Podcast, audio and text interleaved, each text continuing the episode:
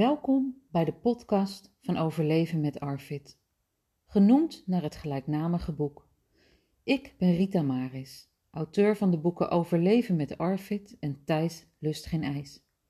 In de podcast van Overleven met Arvid neem ik je mee met mijn reis door dit boek, in de hoop dat de kennis en ervaringsverhalen die in dit boek worden gedeeld ertoe zullen bijdragen dat er meer kennis van, meer inzicht in en meer begrip voor Arvid komt. Ik zal dit doen aan de hand van het voorlezen van fragmenten uit dit boek. Ook zal ik in gesprek gaan met zorgprofessionals en ervaringsdeskundigen die in mijn boek aan het woord komen. Vandaag is het 2 juni. Over de hele wereld vinden er vandaag activiteiten plaats voor en door mensen met een eetstoornis, naast betrokkenen en professionals. Tijdens deze Wedat, zoals het wordt genoemd, verenigen allen, die, allen zich die te maken hebben met eetstoornissen. Het is erg belangrijk dat Arvid ook benoemd wordt vandaag. Nog altijd is er veel niet bekend over deze eetstoornis. En zou je kunnen zeggen dat Arvid het ondergeschoven kindje onder de eetstoornissen is. Hoog tijd om hier verandering in te brengen. Alleen met elkaar zal dit lukken. Want als we delen wat de impact van Arvid is, zal er meer begrip komen. Met het boek Overleven met Arvid hoopte ik naast meer begrip ook meer kennis en inzicht in Arvid te verwerven. Stapje voor stapje lukt dit. Zo hoorde ik afgelopen week dat de derde druk van dit boek binnenkort uit zou komen. Ook hoorde ik dat professor Dr. Sandra Mulkens deze week tijdens een werkbezoek het koninklijk paar mocht vertellen over eetstoornissen en daarbij ook aandacht vroeg voor Arvid. Ook hoorde ik dat Angelica Kinderman, kinderarts in het AUMC, haar collega's tijdens een webinar heeft uitgelegd wat Arvid is. Allemaal stapjes in de goede richting.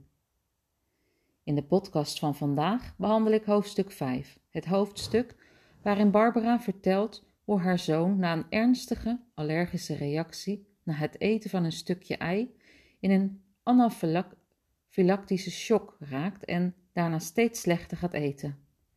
Het is fijn dat mensen bereid zijn hun verhaal te delen, want naast dat het een stuk herkenning aan andere ouders geeft, zorgt het ook voor een stuk inzicht in deze eetstoornis. Ik lees nu eerst het hoofdstuk voor waarin Barbara haar verhaal vertelt en zal daarna opnieuw met haar in gesprek gaan, want ik ben benieuwd hoe het nu met haar zoon en zijn eetproblemen gaat. Eerst hoofdstuk 5 nu. Boven dit hoofdstuk staat allergische reactie op ei. Na het eten van een stukje ei raakte Arthur, geboren in 2013, in een anafylactische shock. Vanaf dat moment ging het steeds slechter met hem en ontwikkelde hij Arvid. Toen de eetproblemen in de loop van de jaren verergerden, besloot Barbara Arthur te laten behandelen in een eetkliniek. Barbara, moeder van drie kinderen, tien, zeven en twee jaar, kreeg de schrik van haar leven toen ze op een morgen aan de ontbijttafel zat en haar zoon Arthur, toen negen maanden, voor het eerst een stukje ei liet proeven. Binnen een half uur moest hij met een ambulance worden afgevoerd en was hij compleet opgezwollen. Het was zeer beangstigend. Het leek alsof hij in de brandnetels had gelegen, want hij zat helemaal onder de rode bulten. Arthur bleek allergisch te zijn voor ei en raakte in een anafylactische shock. We waren zo bang dat nog eens mee te moeten maken, dat we maandenlang angstig waren om hem iets nieuws te laten proeven. De eerste anderhalf jaar na dit voorval hadden Barbara en haar partner altijd een EpiPen, dat is medicatie om snel adrenaline toe te kunnen dienen, binnen handbereik. We stonden doorlopend op scherp en klaar om in te grijpen, mocht Arthur opnieuw zo'n extreme allergische reactie krijgen. Ik was de hele tijd verpakkingen aan het controleren. Ik ben ervan overtuigd dat hierdoor, heel diep in het onderbewustzijn van dat kleine jongetje, de bron is gelegd voor Arvid. Hij kan onze angst voor nieuwe dingen hebben gevoeld. Picky eating. Arthur ging steeds selectiever eten. Uit onderzoeken kwam naar voren dat hij hooggevoelig is en heel sterk reageert op de structuur van en temperatuur van eten. Hij vindt alles eng aanvoelen in zijn mond. Toen hij bijna twee jaar was, kreeg hij een provocatietest in het ziekenhuis. Om te kijken of hij nog steeds zo allergisch was voor producten waar ei in verwerkt was. Wij stonden voor de onmogelijke opgave om hem wat ei te laten eten. Mijn partner heeft dit vermengd met appelmoes, wat Arthur wel lust, en na ruim een uur en eindeloos veel geduld heeft hij het uiteindelijk voor elkaar gekregen. Gelukkig bleek de allergie niet meer aanwezig te zijn en hoefden we geen EpiPen meer bij ons te dragen. Maar ei durfde Arthur niet meer te eten, net zo min als veel andere producten. Arthur kreeg meerdere keren hand, voet, mondziekte, waardoor zijn mond vol pijnlijke blaren zat. Daarnaast moest er een keer een kies getrokken worden. Allemaal pijnlijke ervaringen in zijn mondgebied die hebben meegewerkt aan het verergeren van zijn eetproblemen. We denken dat hij, om nog meer negatieve ervaringen te voorkomen, erg vermijdend is geworden op eetgebied. Angst. Arthur kreeg ruim 2,5 jaar borstvoeding. Het lukte ons niet om hem nieuwe producten te laten proeven. Omdat zijn enige bron van eiwitten borstvoeding en later melk uit een fles was, heeft hij totdat hij ruim vier jaar was uit de fles gedronken. We kregen van mensen om ons heen te horen dat zijn fles de reden was dat hij niets anders at. Maar het was juist omgedraaid. Omdat hij niks anders at, kreeg hij melk. Natuurlijk wilden wij dit heel graag doorbreken. Maar als we iets nieuws wilden aanleren, begon hij erg te trillen en te huilen. We beseften heel goed dat het niet normaal was dat hij zo'n grote angst voor eten had en niks nieuws durfde te proeven. Het moeilijkste van alles vond Barbara het onbegrip van mensen om haar heen. Sociaal gezien werden de eetproblemen van Arthur gebagitaliseerd. Mensen om ons heen vonden dat we hem desnoods moesten dwingen om te eten. Men zei dingen als: Bij mij aan tafel moeten ze verplicht proeven, of ik zou dat gedrag nooit accepteren. Het leek alsof niemand besefte wat de eetstoornis ARFID inhoudt. En dat dwang bij deze kinderen juist averechts werkt. De herkenning sloeg bij ons in als een bom. Toen Arthur vijf jaar was, zagen we bij toeval het programma Bizarre Eters op de televisie, vertelt Barbara. De herkenning sloeg bij ons in als een bom. We beseften meteen dat Arthur hetzelfde had en dat dit veel verder ging dan wat moeite met eten. We waren al zo lang tegen onbegrip en opmerkingen als: ieder kind heeft wel eens een fase dat hij minder eet. Komt vanzelf wel goed, joh, aangelopen. Dat we enorm opgelucht waren dat, we, dat het een naam bleek te hebben. Het lukte ons maar niet om aan de mensen om ons heen uit te leggen dat een peuter die even wat minder goed eet, van een totaal ander niveau is en absoluut niet te vergelijken was met de eetproblemen waar wij mee te maken hadden. Na de vakantie is Barbara meteen naar de huisarts gegaan. Ik heb mijn hele hart voor haar uitgestort en al mijn zorgen gedeeld. De huisarts had nog nooit van dit soort eetproblemen gehoord, maar besloot ook het programma Bizarre Eters te bekijken en schrok van de impact van deze eetstoornis. Ze besefte dat wij hulp nodig hadden en verwees ons door naar dokter Paas, kinderarts binnen het eetteam van het WKZ. Zelf volgde ik een lezing bij Kinderbuik Co., een organisatie die zich onder andere met eetproblemen bezighoudt. En ik kwam in aanraking met het boek Zintuigelijke overprikkeling van professor Dr. Berkelaar. Dat heeft mij veel inzicht gegeven en daardoor begreep ik Arthur beter. Oorzaak. Barbara vond het een opluchting om een kinderarts te treffen die precies wist waar Arthur last van had en waar zij als gezin doorheen waren gegaan.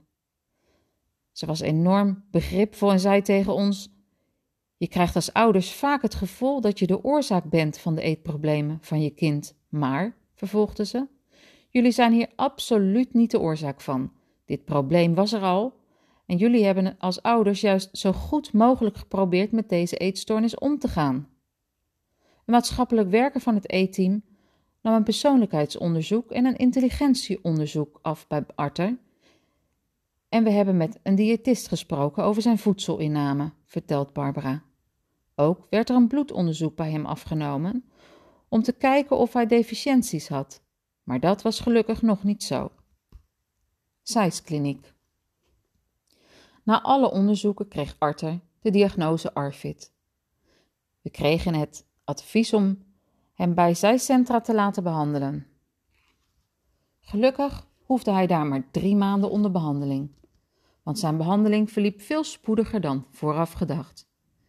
We merkten dat hij zelf ook graag wilde leren eten en open stond voor de behandeling.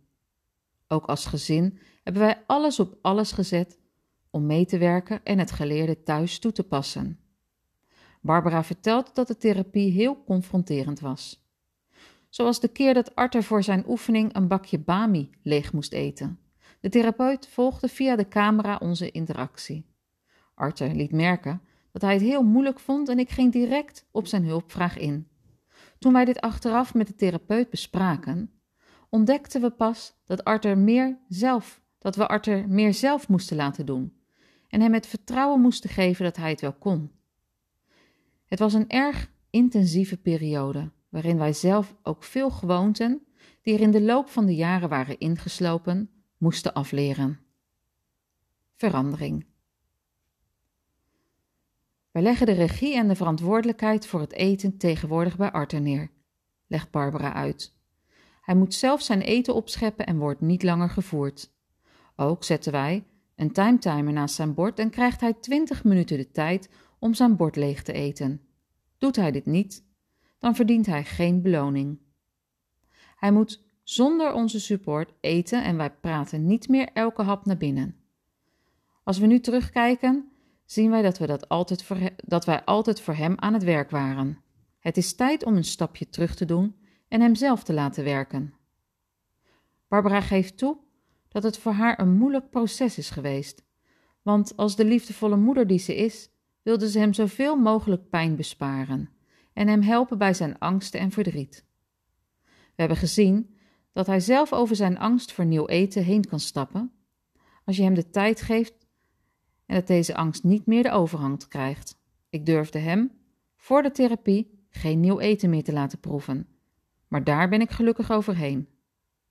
Doordat Arthur gevoelig is voor beloningen, lukt het Barbara om hem steeds meer nieuwe dingen te laten eten.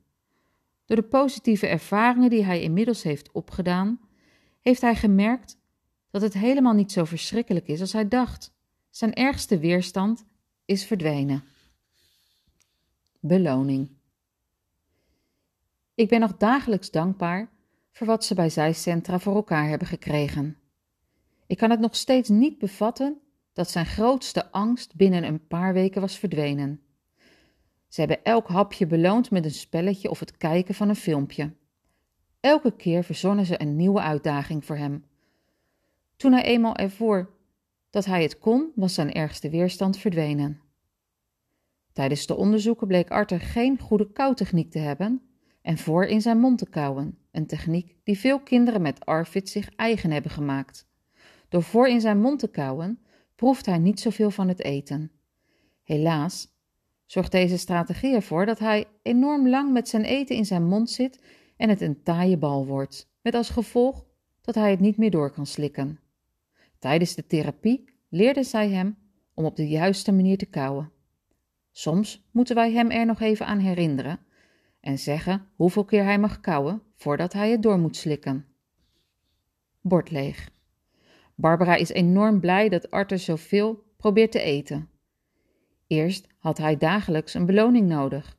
Langzaam maar zeker wordt dat minder. Een jaar na de therapie is het nieuwe eetgedrag goed ingesleten. Barbara worstelt nog wel met het feit dat ze strenger moet zijn dan ze eigenlijk wil. Andere kinderen mogen wel eens iets laten staan, maar hij mag zijn bord niet halverwege de maaltijd aan de kant schuiven. Zijn eten is precies afgewogen en moet tot het laatste hapje op. Barbara durft qua hoeveelheid de teugels niet te laten vieren, omdat ze bang is dat hij terug zou vallen in zijn oude eetgewoonten. Tegelijkertijd vindt zij het concept bord leeg niet meer van deze tijd. Ik wil liever dat een kind leert aan te voelen wanneer het vol zit en zich niet overeet. In deze tijd van veel overgewicht vind ik het bovendien niet fijn om als ouder een vaste hoeveelheid op te leggen. Over dit onderwerp heb ik veel gesprekken gehad met de therapeut. Ze zei: Je moet bedenken dat het de eetstoornis is die spreekt als Arthur zegt dat hij niet meer wil eten. Jij zult hier de leiding in moeten nemen, net zoals je als ouders beslist dat een kind naar een dokter of naar een tandarts moet. Je doet dit voor het bestwil van je kind. Sociaal aspect. Een van de voornaamste redenen om Arthur te laten behandelen was voor Barbara het sociale aspect van zijn eetstoornis. Hij was altijd het buitenbeentje met zijn vreemde eetgewoonten. Arthur kon nooit bij een vriendje eten en was bang om naar een feestje te gaan of ergens te logeren. Toen zijn jongere zusje zijn eetgedrag begon te kopiëren, was ik bang dat we straks twee kinderen met een eetstoornis zouden hebben. Ik wilde voor Arthur dat hij niet zijn hele leven de uitzondering zou blijven. Gelukkig was hij zelf ook erg gemotiveerd. Het voelt soms nog verkeerd om zo directief te zijn, omdat dit niet bij onze opvoedingsfilosofie past. Maar onze oude aanpak bleek ook niet helpend voor hem te zijn. Als je als ouders niet openstaat voor de behandeling of bereid bent naar de manier waarop het tot nu toe ging te kijken, kun je beter niet aan de behandeling beginnen. We hebben daarom besloten naar het resultaat te kijken en zien opmerkelijke veranderingen bij Arthur. Hij durft bij zijn vriendjes te eten, zit op zwemles en is gaan fietsen. Allemaal dingen die hij voor zijn behandeling niet kon of durfde. Hij bloeit helemaal op en schiet enorm de lengte in sinds hij gevarieerder eet. Ik ben trots op mijn dappere mannetje, besluit Barbara.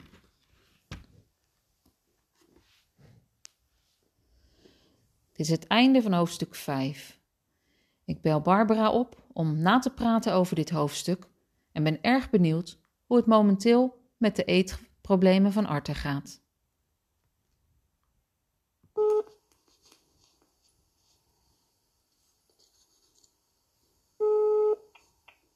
Met Barbara Hefkla. Ja, goedenavond met Rita Maris. Hoi. Hoi Rita, hoi. Hey, fijn dat je met de woord wil staan. Ja, Ja, hey, zojuist las ik het hoofdstuk voor waarin jij aan het woord kwam. Mhm. En daar heb ik wat vraagjes over. Want het is inmiddels al, denk ik, een jaar geleden dat we elkaar spraken. Ja, dat Dus er zal, ook. eh, er zal best wat gebeurd zijn eh in tussentijd. Nee, want, want wat ik er net nog voorlas, hè, je vertelde toen dat je de regie van het eten eh, bij je zoon had neergelegd. En voor jullie bleek dat een goede oplossing te zijn. Werkt dit nog steeds goed? Ja, het werkt wel goed ehm, tijdens de maaltijd. Eh, maar we merken wel dat, eh, dat we er nog steeds actief met hem aan, aan moeten werken. Dus hij, eh, ja, hij, hij komt erdoor. We hebben handvatten geleerd om, eh, om met die angst om te gaan en, en nou ja, om, om daadwerkelijk aan het eten te gaan. Maar je merkt dat de stoornis dat die nog niet helemaal over is. Oké. Hij is nog ja. wel aanwezig. Ja. Ja, ja. Hey, ja. vind je het moeilijk dat er eh, ook avonden kunnen zijn dat hij zijn eten niet op tijd op hebt? Want je vertelde toen dat, je, dat hij met een timetimer moet eten. Dat je hem 20 minuten de tijd geeft om te eten. Eh, werk je nog steeds zo of is dat inmiddels wat eh, versoepeld? Nee, dat hebben we versoepeld. Dat gaat heel goed. Eh, zijn kouwtechniek is eigenlijk heel erg veel verbeterd. Dus hij, hij kan eigenlijk op een, eh, op een normaal tempo kan die eten. En ehm, eh, ja, dat, die time timer hadden we heel erg daarvoor ook ingezet. Omdat hij heel lang over één hapje deed. En om hem op die manier te stimuleren om, om door te eten. En het enige moment waar we met hem nog wel actief op tijd coachen is op, om te beginnen. Hij kan het begin nog wel uitstellen. Dus. Een beetje in zijn, bord, in zijn bord te roeren en een beetje om zich heen te kijken van nou, ik durf niet. En dan, eh, nou ja, dan helpen we hem over de eerste drempel met wat, eh, met wat coachen. En soms toch ook wel met wat eh, directieve aanwijzingen van nou, nu pak je je lepel, nu prik je er wat of zet je er wat op. Nu doe je hem in je mond. En als hij dan over de eerste hobbel heen is, dan gaat het meestal wel goed.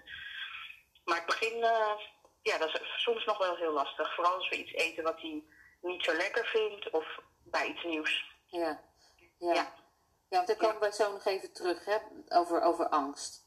Eh, Ja.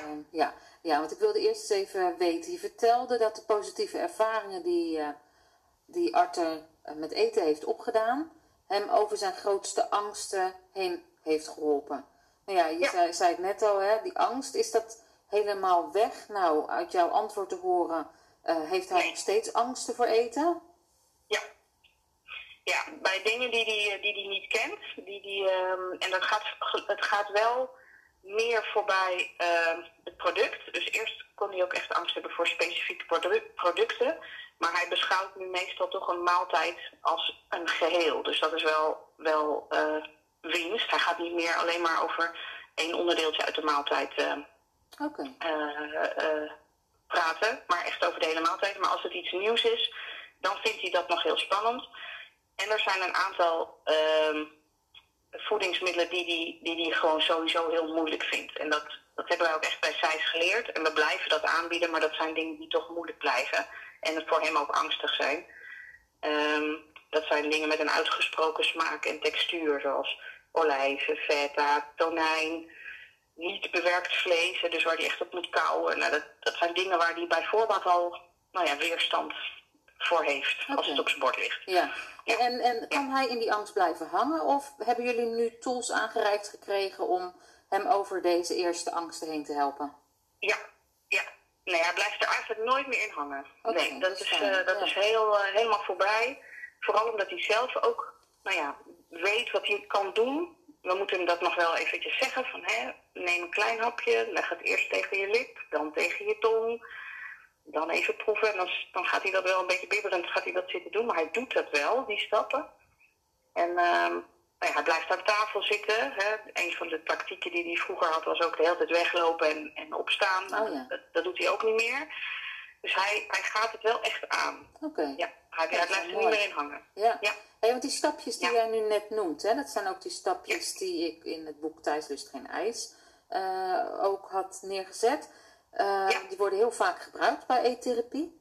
Alleen, normaal gesproken, hè, want jij zei het heel snel, dat gaat dus allemaal tijdens even een kort proces om over zijn angst heen te helpen.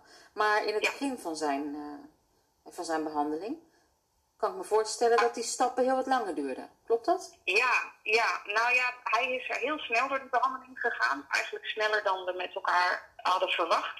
En die eerste paar stappen die heeft hij met de therapeut gezet. Dus daar waren wij natuurlijk niet bij. Ehm, en, en op een of andere manier, hij is, hij is een jongetje eh, wat, wat heel erg eh, ehm, graag het goed wil doen. En hij vindt het heel erg leuk om eh, opdrachtjes te krijgen en met zo'n eh, docent aan iets te werken. Hij was ook heel erg eh, positief in die therapie. Hij wilde heel graag leren. Dus eigenlijk ging dat heel makkelijk. Hij zat daar niet omdat het van ons moest, zeg maar. Hij wilde, hij wilde het zelf ook heel graag leren.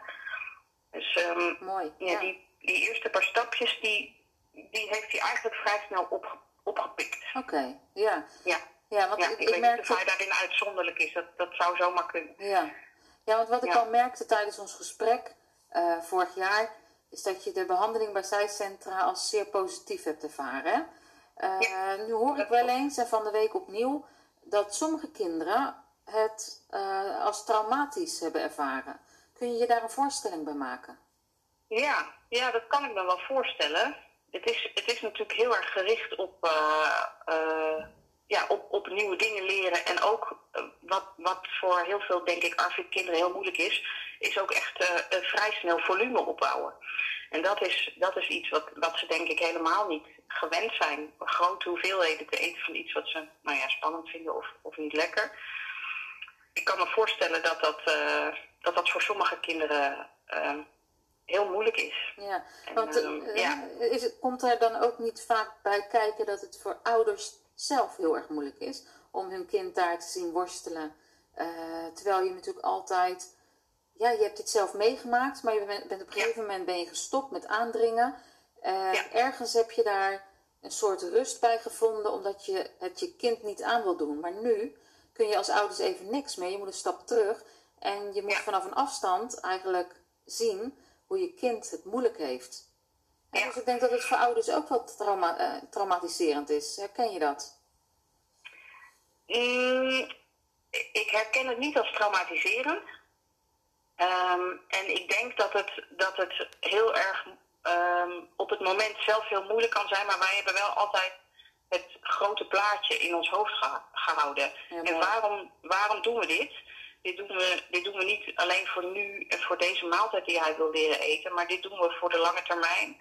Om hem ook een grotere sociale wereld te geven straks.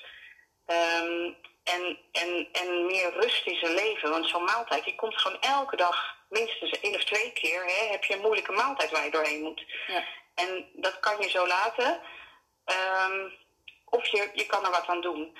En dat hebben we geprobeerd. En kijk, als hij daar elke dag huilend vandaan was gekomen, dan was het voor ons misschien anders geweest.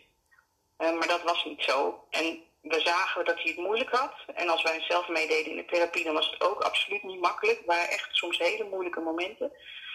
Maar omdat we zagen dat we er met elkaar doorheen konden komen, ehm, hebben wij het niet als traumatisch ervaren. Hebben we gewoon gedacht, dit, is, dit kunnen wij met elkaar. Ja, mooi. Ja. Ja. Ja, dus de behandeling bij zijcentra, het was zwaar, hè, moeilijk, jullie moesten er doorheen. Maar als je erop terugkijkt, was het echt de moeite waard. Ja, ja. Het is, het is confronterend ook voor, voor jou als ouder, omdat je iets anders moet doen. En wij zien bijvoorbeeld zelf nu in deze coronatijd, als je, je, hebt, je hebt heel veel andere dingen aan je hoofd, je moet eh, alle ballen in de lucht houden, dat wij op sommige vlakken ook toch weer een beetje in onze oude patronen gleden. En dat we um, ineens weer alleen maar zijn favoriete broodbeleg in huis hadden. Omdat we dachten, nou dat lust hij, dan hebben we geen drama, hebben we geen zin in drama. Want er is al zoveel gedoe, dus doen we dat. Maar je merkt dat je daar uiteindelijk op de lange termijn toch weer last van krijgt. Want dan wordt het toch ineens weer beperkt. Nee, deze, deze uh, worst lust ik niet. Ik wil graag een andere. Ja, precies. Ja, uh, ja, nou ja en dan ineens gaat bij ons ook weer de, uh, even de, het besef uh, aan van... oh ja, we moeten erop letten met elkaar. We moeten niet terug op dat oude pad. We moeten nee, want dat toch is af weer wat nieuws doen en blijven oefenen. Ja. Ja. Ja. dat herken ik ook wel bij, bij onze zoon... die natuurlijk ook bij zijcentra is behandeld. Dat hij met veel pijn en moeite een pizza heeft leren eten. En dat op een gegeven moment dat toch weer moeilijk vond. En dat wij zoiets hadden, ja, hoe onbelangrijk en ongezond een pizza ook is, daar gaat het niet om. Het gaat erom dat wat je geleerd hebt, dat moet je niet kwijtraken. Want dan is het zo verleidelijk aan om steeds weer uh, meer dingen te laten vallen. Waar juist zo hard voor gestreden is. Dus ik herken wel wat je zegt. Ja, ja, en dat is denk ik bij artsenkinderen, dat, dat gebeurt heel snel, dat er toch iets van de lijst valt. En ze zullen het uit zichzelf ook niet zomaar gaan, gaan eten. Nee. Dus het is, het is een thema waar we nog steeds uh, met elkaar aan werken. En we eten één keer per week iets wat hij wel kent en wel lekker vindt. En ook altijd iets wat nieuw is. Dus ja, we, we zijn er toch nog steeds heel bewust mee bezig om dat, uh, om dat te blijven uitbreiden. Ja, ja want jij zegt uh, één keer per week komt er eigenlijk wat nieuws op het menu om hem toch ja, dat proberen we toch wel. Oké, ja. mooi. Ja, ja, ja dus, dus zo op de lange termijn wordt er natuurlijk elke keer wel iets aan toegevoegd. Uh, heb je ook het idee dat er toch weer dingen zijn afgevallen? Je vertelde net al, die verleiding is er, maar we houden het nog aardig vast. Lukt dat ook? Nou, je merkt dat als het een tijdje van, uh, uit beeld is, dat je, dat je eigenlijk toch weer uh, opnieuw moet opbouwen. Bijvoorbeeld met broodbeleg. Um, dat vindt hij heel lastig. We hebben natuurlijk bij Sijs altijd op de avondmaaltijd gefocust. En, het, en het, de lunch hebben we zelf thuis gedaan. En de avondmaaltijd gaat eigenlijk altijd heel goed. Maar voor de lunch word je dan toch makkelijker. Want dan denk je, oh ja, we hebben vanavond ook alweer gedoe. We gaan het oh, niet nu ook moeilijk maken. Nee. En nou ja, nu pakken we dat toch weer even terug. En dan zie je dat hij toch weer even moet wennen aan, aan ander broodbeleg. Oh, ja, dit, dit, ken ik eigenlijk niet zo goed. Uh, wil ik het niet. Maar laat zich toch overhalen om dan nou, één boterham met iets nieuws, eentje met wat hij wel lust. En dan nou ja, bouwt het toch zo weer op. Ja, ja. Maar het gaat nooit vanzelf. Nee, precies. Het is... best heel vermoeiend en het is logisch. Ja. Als, hè, op momenten dat je druk hebt of je bent met je andere kinderen bezig, er is er misschien één ziek, dat je zoiets hebt, joh, hier heb ik even geen fut voor. Uh, de leiding is er natuurlijk ook altijd uh, hè, voor ouders. Ja, ja, Het blijft, eh, de stoornis blijft toch aanwezig. Het is niet zo dat je na, na de behandeling bij zijcentra kan zeggen, nou de eetstoornis is weg. Nee. Je hebt met elkaar handvatten ontwikkeld om ermee om te gaan. En, uh, um, en, en hoe, je, hoe je elkaar door dat proces helpt, hoe we hem kunnen helpen, wat hij zelf kan doen. Um, maar het is niet weg. Nee. Nee. nee. maar je merkt dat er, dat er wel heel veel winst... We hebben, we hebben heel veel winst uh, geboekt, waar hij ook heel, zelf heel veel voldoening uit haalt. Bijvoorbeeld, ja. hij kan veel meer sociale situaties aan. Hij gaat binnenkort op kamp, bijvoorbeeld met school. Nou ja, dat hadden we vorig jaar niet gedaan. Mooi. Of twee jaar geleden, toen hij naar Zeist ging. En, ja. ging. En, en nu durven we hem gewoon op kamp te laten gaan. Ik heb zelfs niet eens geïnformeerd wat ze gaan eten daar. Nee, Kijk, nou, loslaten. Ja, ja, ja. ja. ja. Hey, wat, wat jij vertelde toen, uh, dat je het heel moeilijk vond uh, dat Arthur zijn bord elke keer leeg moet eten. Uh, terwijl je tegen de andere kinderen dan wel eens kan zeggen, joh, laat maar. Heb je die teugel zoiets laten vieren? Moet hij, of moet hij nog steeds altijd zijn bord helemaal leeg eten? Nee, nee daar proberen we ook ietsje soepeler mee te zijn. Um, maar we proberen en dat is, dat is soms heel moeilijk om dat aan te voelen, om te, om te voelen van wanneer heeft hij nou echt genoeg gegeten? Of wanneer zegt hij dit alleen maar omdat toch de stoornis op de achtergrond spreekt? Um, en nou ja, we zullen daar soms wel eens de plank misslaan en hem dan uh, uh, het gunnen om niet zoveel te eten, terwijl hij het eigenlijk toch nog wel zou kunnen gebruiken. Ja.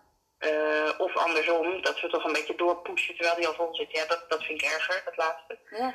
Ik, ik wil toch dat hij naar zijn eigen lichaam luistert. En we hebben altijd minder uh, volumes aangehouden dan zij eigenlijk wilde. ja. Omdat dat gewoon bij hem niet past. Dat, nee. Ja, dat, dat, dat krijgt hij gewoon niet op. Nee, precies. Nee, het moet wel haalbaar blijven natuurlijk. Ja. Ja. ja. ja. Hey, en wat zou jij tot slot uh, ouders mee willen geven die nog voor een behandeling bij zijcentra staan?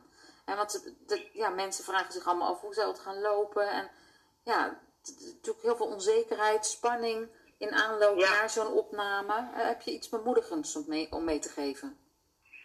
Ja, ik zou zeggen, geef je over aan het proces. Het zijn hele uh, specialistische mensen. Ze hebben ontzettend veel ervaring. Onze, onze ervaring was heel goed. Als er iets is, staan ze ook in mijn beleving heel erg open voor reflectie en gesprek. Ehm, maar, maar durf je over te geven aan zo'n proces en, en, en, en besef dat wat je zelf hebt gedaan, dat dat niet heeft geleid tot verbetering. Dus dat je iets anders moet doen. Dat je als ouder dus ook ja, over je eigen schaduw heen moet springen. En misschien wat, wat bepaalde uh, ouderschapsfilosofie los moet laten om hem, door dit proces, hem of haar door dit proces te, te helpen. Maar dat het aan het einde wel echt de moeite waard is. Ja, mooi. Ja, dat is mooi ter afsluiting uh, om mee te geven aan ouders inderdaad. Dankjewel. Ja, hey, ik wil je hartelijk bedanken voor uh, dit gesprek na het lezen van, uh, van het hoofdstuk. Ik denk dat ouders dit echt wel heel interessant vinden om nog te horen hoe het nu gaat. dus ja, daar wil ik je heel hartelijk voor bedanken. Graag gedaan. Ik vond het een erg interessant gesprek dat ik met Barbara had. Ehm, ik denk ook dat er, dat er mensen zijn die dit herkennen. En dat er ook mensen zijn die hebben meegeluisterd, die nog voor een opname bij bijvoorbeeld zijcentra zitten. En dat er ook vragen zijn naar aanleiding van dit hoofdstuk of uh, het gesprek dat ik daarna voerde. Dus als er nou vragen zijn, dan kunnen die altijd via de mail gesteld worden. En je kunt dan mailen naar rmaris.solcon.nl. Je kunt je vragen ook stellen in de besloten Facebookgroep van Overleven met Arvid. In deze groep zitten zorgprofessionals op het gebied van ARFID, ouders van kinderen met ARFID, pubers en volwassenen met ARFID. Er zijn veel ouders op zoek naar ARFID-deskundigen en in deze groep kun je onder andere vragen welke zorgverlener met kennis van ARFID er in welke regio werkzaam is. Ook kun je andere vragen waar je misschien dagelijks tegenaan loopt hier stellen. En het mooie is dat er ouders zitten die veel van de vragen die je zult stellen zullen herkennen en daar misschien vanuit hun eigen ervaring op kunnen antwoorden. Dus van harte welkom bij deze Facebookgroep. Tot slot wil ik iedereen die privé, als leerkracht op school of als zorgverlener te maken heeft met kinderen met ernstige eetproblemen en meer te weten willen komen over ARFID, aanraden om het boek Overleven met ARFID te lezen. Wil je daarnaast aan het kind met ARFID uitleggen wat ARFID is? Dan zou je Thijs Lust geen ijs kunnen bestellen. Dit kan bij elke Nederlandse boekhandel. Je kunt het boek ook reserveren bij de bibliotheek. In de volgende podcast vertelt Yvonne dat haar zoon op tweejarige leeftijd steeds selectiever ging eten. Dat kon twee redenen hebben: of vergrote keelamandelen, of zintuigelijke overprikkeling door autisme. Luister de volgende keer mee wat de oorzaak van het ontstaan van de eetproblemen van de tweejarige Joas is. Abonneer je nu op de podcast van Overleven met Arvid in je favoriete podcast-app om geen aflevering meer te missen. Ik dank jullie voor het luisteren en ik wens jullie een fijne dag toe.